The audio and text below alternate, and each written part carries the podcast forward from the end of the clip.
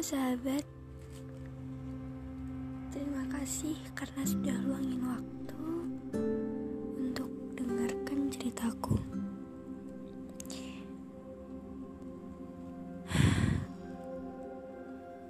Kalian pasti masih sama denganku di fase karantina yang memaksa kita untuk tetap di rumah saja tanpa tahu arti rumah yang sebenarnya. Tanpa bisa merasakan hangatnya rumah yang sebenarnya.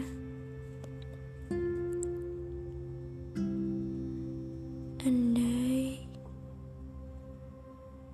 andai dia masih di sisiku. Andai dia masih bersama aku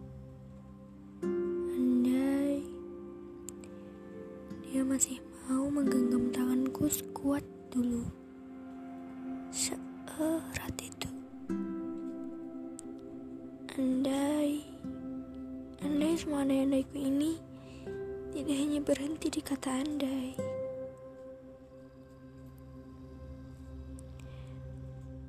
Jujur, gak ada satu hal pun yang buat aku lupa tentang dia. Nyatanya, setiap detak jantungnya adalah detik kebahagiaan tersendiri untukku. Detik di mana aku merasakan hangatnya dan arti sebenarnya rumah.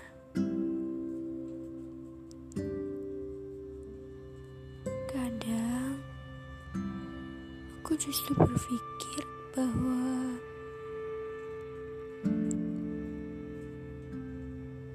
aku punya, tapi aku gak bisa memilikinya.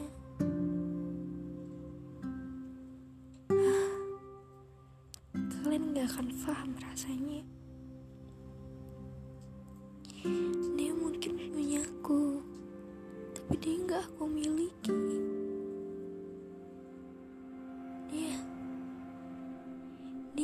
Begitu dalam aku cintai dengan seluruh segenap hatiku justru melukaiku dengan begitu dalam. Melukaiku hingga aku benar-benar lupa caranya menggunakan hati. Dia adalah orang yang detak jantungnya menjadi detik bahagia dalam hidupku. Justru menghancurkan hidupku. Ketika aku tahu bahwa dia bukan orang yang tepat untukku, semua organku, organ dalam tubuhku serasa berhenti. Hatiku tidak bisa merasakan apa pun selain kekecewaan yang begitu dalam ditorehkan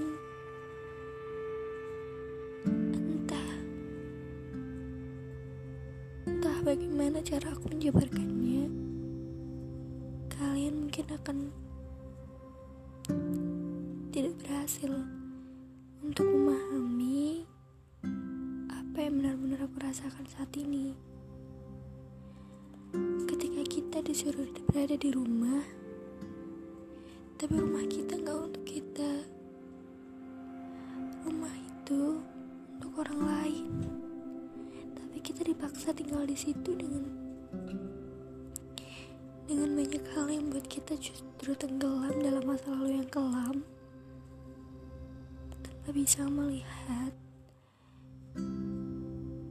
terangnya matahari tanpa bisa merasakan hangatnya matahari di luar sana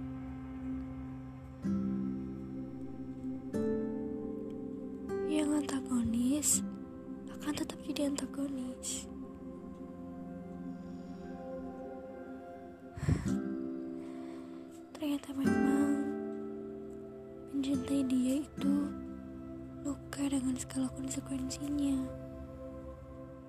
Dan cinta itu punya konsekuensi yang sulit aku bayangkan. Kita bisa jatuh cinta pada dia hanya dalam satu detik saat mata ini menatap. Waktu selamanya untuk bisa melupakan dia. Aku nggak tahu.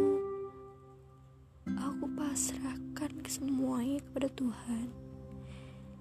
Ketika hatiku sudah benar-benar tidak berfungsi. Tapi gitu takutnya aku jatuh untuk kedua kalinya hingga aku terus-terusan menyakiti orang-orang yang berusaha untuk membuatku bahagia.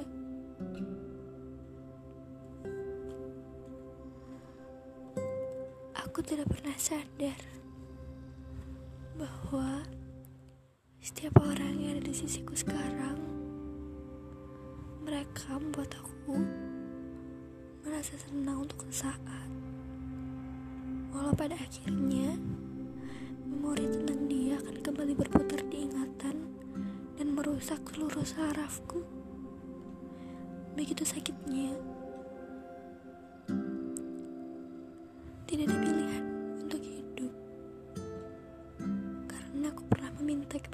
Tuhan. Saat aku masih bersama dia, satu hal yang aku akan terus minta kepada Tuhan adalah Semoga Tuhan mengambil nyawa aku sehari sebelum dia. Aku, aku bahkan terlalu takut kehilangan dia daripada kematian itu sendiri. Aku tidak bisa menjalankan hidup tanpa dia. Tapi justru sekarang dia meninggalkan aku begitu saja.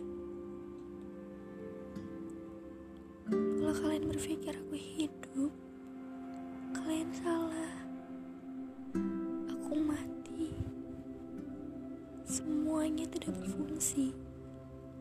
Aku mungkin masih bisa sehat walafiat di sini, bercerita dengan kalian, tapi seluruh hati sudah benar-benar mati.